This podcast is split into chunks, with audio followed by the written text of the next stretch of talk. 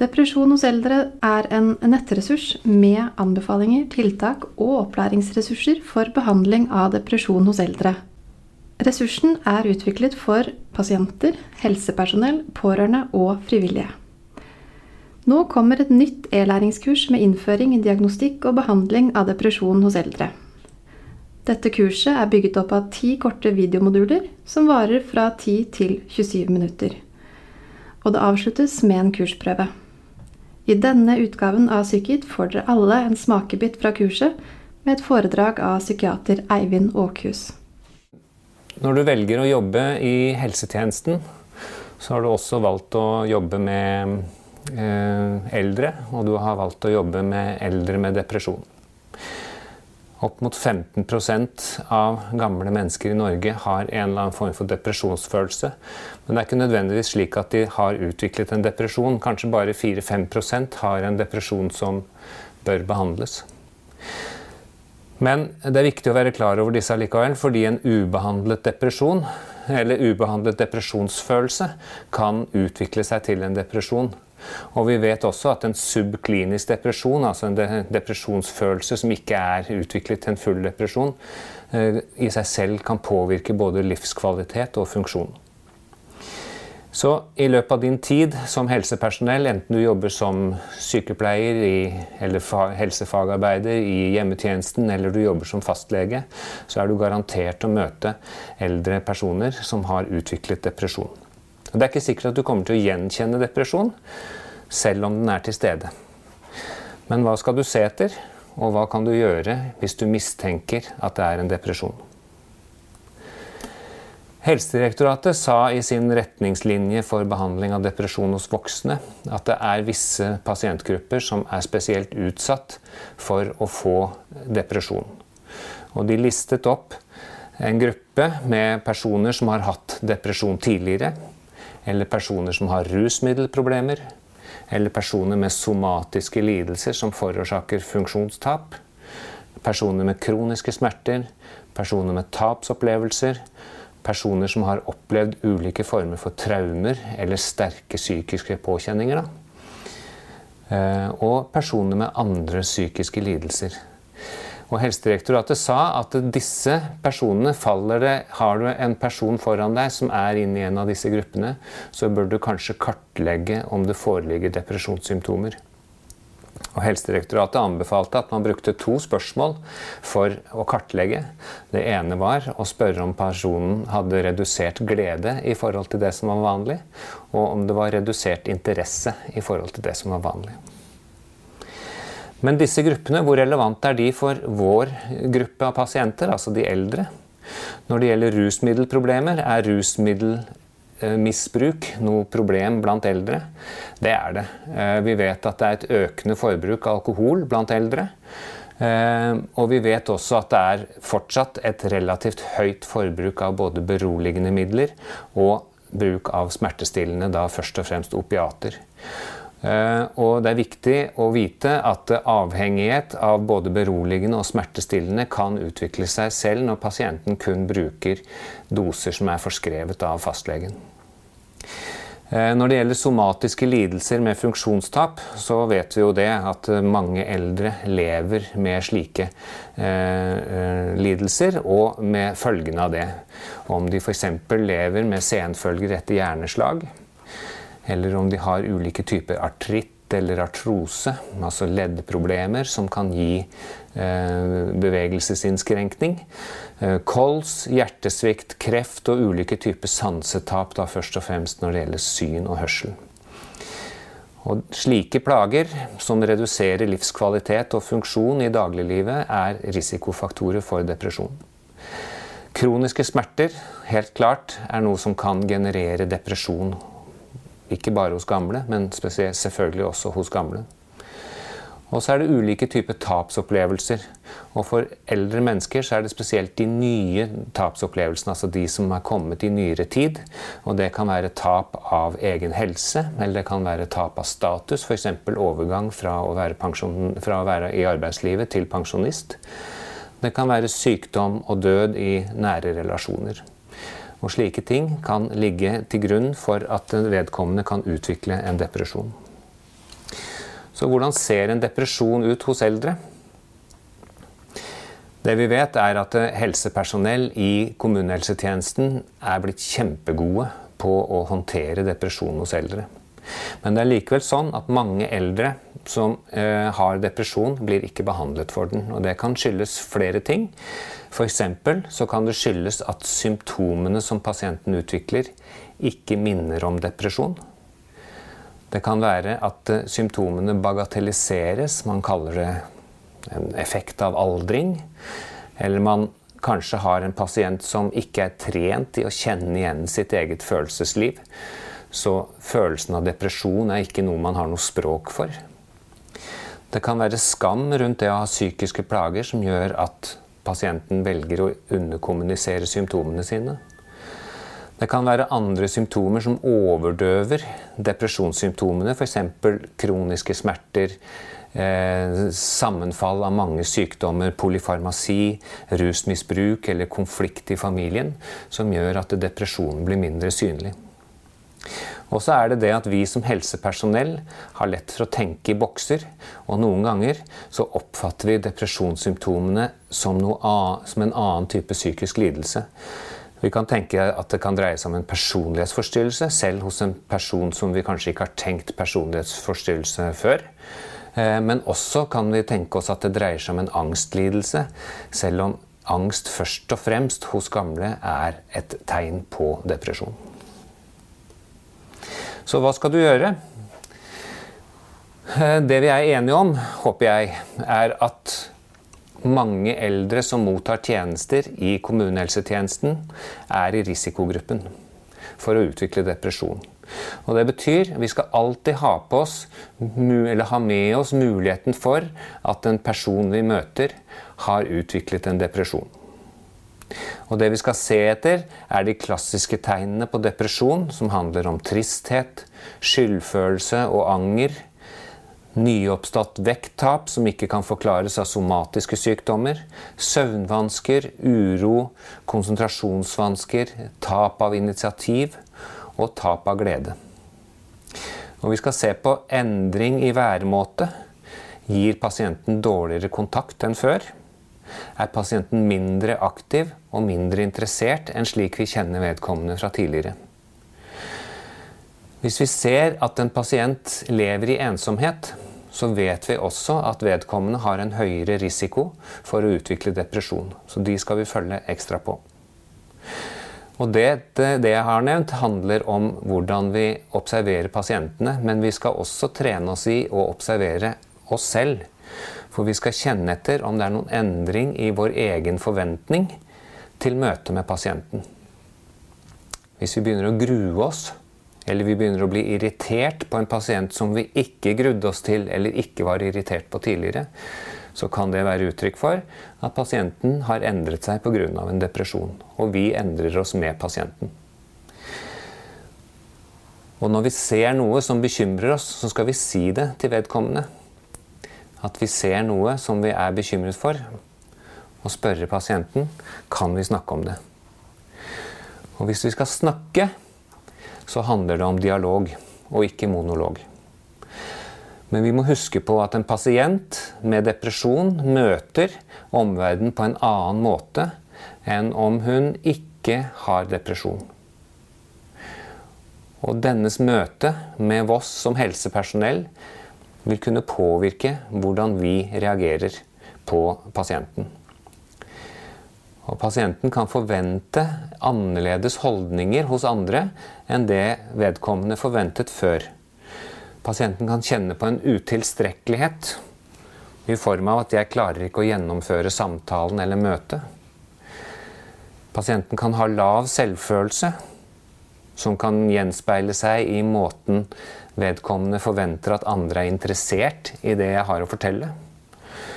Pasienten kan forvente kritikk, som at legen er sikkert helt oppgitt over meg og er ikke interessert og vil ikke ha noe med meg å gjøre. Og vedkommende kan kjenne håpløshet i form av at det kommer ikke til å hjelpe, det er ingenting som hjelper. Og vedkommende kan ha lav energi, altså jeg orker ikke å gjennomføre disse samtalene de er meningsløse allikevel. Og hvordan påvirker disse negative holdningene oss som helsepersonell? For Noen ganger er det jo slik at personene som har den type holdninger eller forventninger, har vært sånn hele livet. Og det kaller vi et karaktertrekk. Og De kan også utvikle depresjoner, men vi skal være spesielt oppmerksom der hvor denne type personlige trekk er nyoppståtte og annerledes enn slik vi kjenner vedkommende fra før.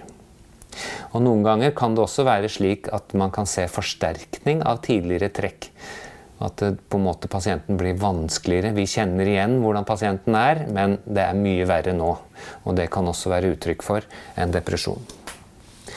Å snakke med personer som er negative i sitt møte med oss, som er uten energi eller uten motivasjon eller innsatsvilje, er utfordrende for oss alle. Og det er som å jobbe i en motbakke. Når pårørende er involvert, så får vi et ekstra kompliserende aspekt ved depresjonsbehandlingen. Fordi pårørende er ofte sterkt lidende når deres gamle familiemedlemmer blir deprimerte. Og ofte så vil de ha stort formidlingsbehov. Og det kan gjerne oppstå uheldige allianser mellom deg som helsepersonell og de pårørende. Det kan f.eks. være en felles forståelse eller frustrasjon av pasienten som pasienten ikke blir delaktig i, og noe som kan bidra til ytterligere isolasjon av pasienten. Så et av mine aller viktigste råd er jo at hvis vi har samtale med pårørende, så skal det være klargjort at det som sies, skal kunne formidles til pasienten hvis pasienten spør. Vår profesjonalitet utfordres i møte med deprimerte personer fordi det er så mye av oss selv og våre egne ting som aktiveres når vi møter negativitet og det vi opplever som motvilje. Blir vi irriterte? Blir vi oppgitte? Blir vi sinte? Og overtar vi kanskje også pasientens følelse av at det ikke nytter. Så det er utfordrende. Så det er viktig for oss å huske på at gir vi riktig depresjonsbehandling, så vil de aller fleste komme seg når motbakken er unnagjort. Et samarbeid mellom pasient og helsepersonell er basert på noen nødvendige forutsetninger. For det første så må det være klargjort at det dreier seg om respekt og likte, likevekt mellom to likeverdige parter. Eh, vi som helsepersonell vi må vise at vi er interessert i den andre og dennes synspunkter. Og vi må ha også en egen avklart følelse av hvilke forventninger vi selv har til samarbeid med pasienten. Vi må unngå skjulte agendaer. Som f.eks. at vi har en annen allianse med familie eller pårørende enn det vi har med pasienten. Og vi må tydeliggjøre at vår rolle som helsepersonell ikke er å diktere hva som skal gjøres, men at vi er rådgivere og samtalepartnere. Og I depresjonsbehandlingen så kan det komme fram på følgende måte. Jeg er interessert i å vite hvordan du har det. Jeg er interessert i hva du tenker om det jeg sier til deg. Jeg vil vite om du selv har tenkt hvordan ting skal løses. Og jeg er opptatt av å vite hva du tenker om mine løsningsforslag. Og kan vi sammen lage en plan for hvordan vi skal løse problemene dine? Noen viktige ting å huske på er at en deprimert person vil ofte ha negative tanker om seg selv og omverdenen. Og de negative opplevelsene i livet vil få større plass enn de vanligvis har. Og en deprimert person vil ofte kunne generalisere tanker og opplevelser slik at de får større plass enn det som er riktig. F.eks. kan de oppleve at de krangler med et familiemedlem. Familiemedlemmet er sint, og vedkommende kan tenke hun er sint på meg. Alle er sinte på meg, det er ingen som er fornøyd med meg. Altså en type generalisering, og det gjenspeiler også en type sort-hvitt-tenkning, hvor det ikke er rom for nyanser. Og Gjennom samtale med oss som helsepersonell så kan vi hjelpe pasienten til å nyansere sitt virkelighetsbilde som er preget av depresjonen. Og Ditt bidrag kan også bidra til at pasienten får større tro på at endring er mulig. Jeg skal snakke om selvmordstanker. For selvmordstanker er en naturlig følgesuvenn til depresjon. Bør vi snakke om selvmordstanker? Og tør vi snakke om selvmordstanker? Det er sånn at når det gjelder pasienter, personer som har tatt sitt liv, og man går igjennom journaler etterpå, så ser man at 80% har hatt kontakt med fastlegen det siste året før selvmordet. Og 66% har hatt kontakt med fastlegen de siste tre månedene før selvmordet. Det er ikke nødvendigvis slik at det har vært selvmordstanker som har vært tema. Oftest er det ikke det, men de har hatt kontakt.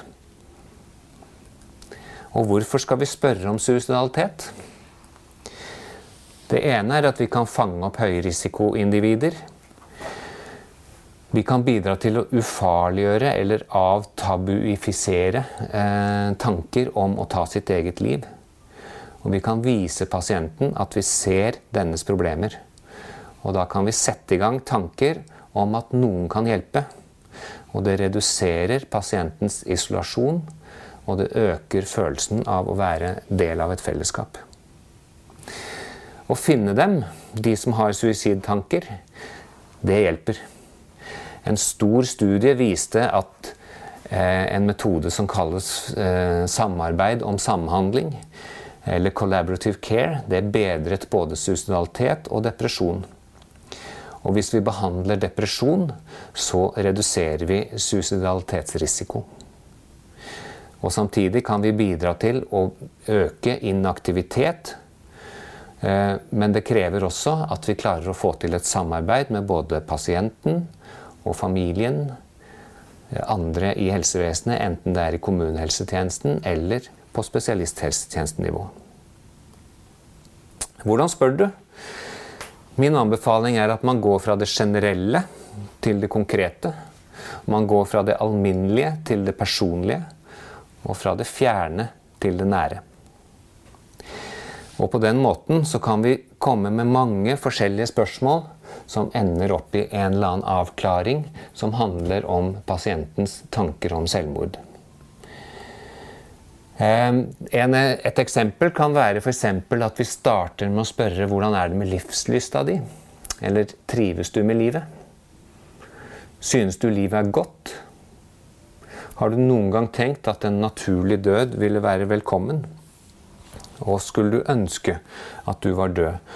Og da kartlegger vi tankene fra det generelle trives du med livet, syns du livet er godt, til det spesielle og individuelle skulle du ønske at du var død. Og hvis vi begynner å få en nagende uro rundt at pasienten svarer bekreftende på disse spørsmålene, eller kanskje blir unnvikende og ikke svarer så godt som du er vant til at pasienten svarer, så må du kanskje også ta tak i om det er tanker om handling. Har du noen gang tenkt på å ta livet av deg? Har du tenkt på hvordan du vil gjøre det? Og har du noen planer om dette nå? Og får du bekreftelse på dette, så må man velge en handling som sikrer pasienten. Av og til viser jeg et epletre, for jeg syns at en samtale med eldre personer er som å gå på epleslang. Og jeg går, jeg følger epletreet og plukker frukter etter hvert som jeg finner de. Og det samme gjør vi i samtaler. Det er noen ting jeg vil vite både om depresjon, om livskvalitet, livsglede, om somatiske plager, ensomhet, suicidalitet. Men jeg plukker de underveis mens jeg snakker med pasienten, slik at det ikke blir et stivt og øh, teknisk intervju. Så til slutt Hvordan kan du hjelpe en som er deprimert? Du kan tørre å bry deg. Og du kan redusere pasientens følelse av isolasjon ved å vise interesse. Og du bør både vise forståelse og bringe inn positive tanker. Kanskje noen ganger samtidig, skriver jeg, men jeg kanskje mener at du alltid bør gjøre det. For hvis du bare er positiv uten å vise forståelse for pasientens situasjon, så blir du bare plagsom. Du må vise at du forstår pasientens situasjon, og deretter så kan du bringe inn alternative måter å se det på. Du kan avklare om pasienten bør få tettere kontakt med deg en periode. Om du må kartlegge pasientens antatte eller mistenkte depresjon med f.eks. Maders. Og du må kanskje konsultere fastlegen eller psykiatrisk sykepleier i kommunen. Eller diskutere tilfellet med spesialisthelsetjenesten. Og I løpet av dette e-læringskurset som vi presenterer, så kan du lære, lære mer om samtaleteknikker overfor deprimerte. Både ved å lære om kognitiv atferdsterapi og problemløsningsterapi, som kan hjelpe deg i kommunikasjonen med eldre med depresjon. Lykke til.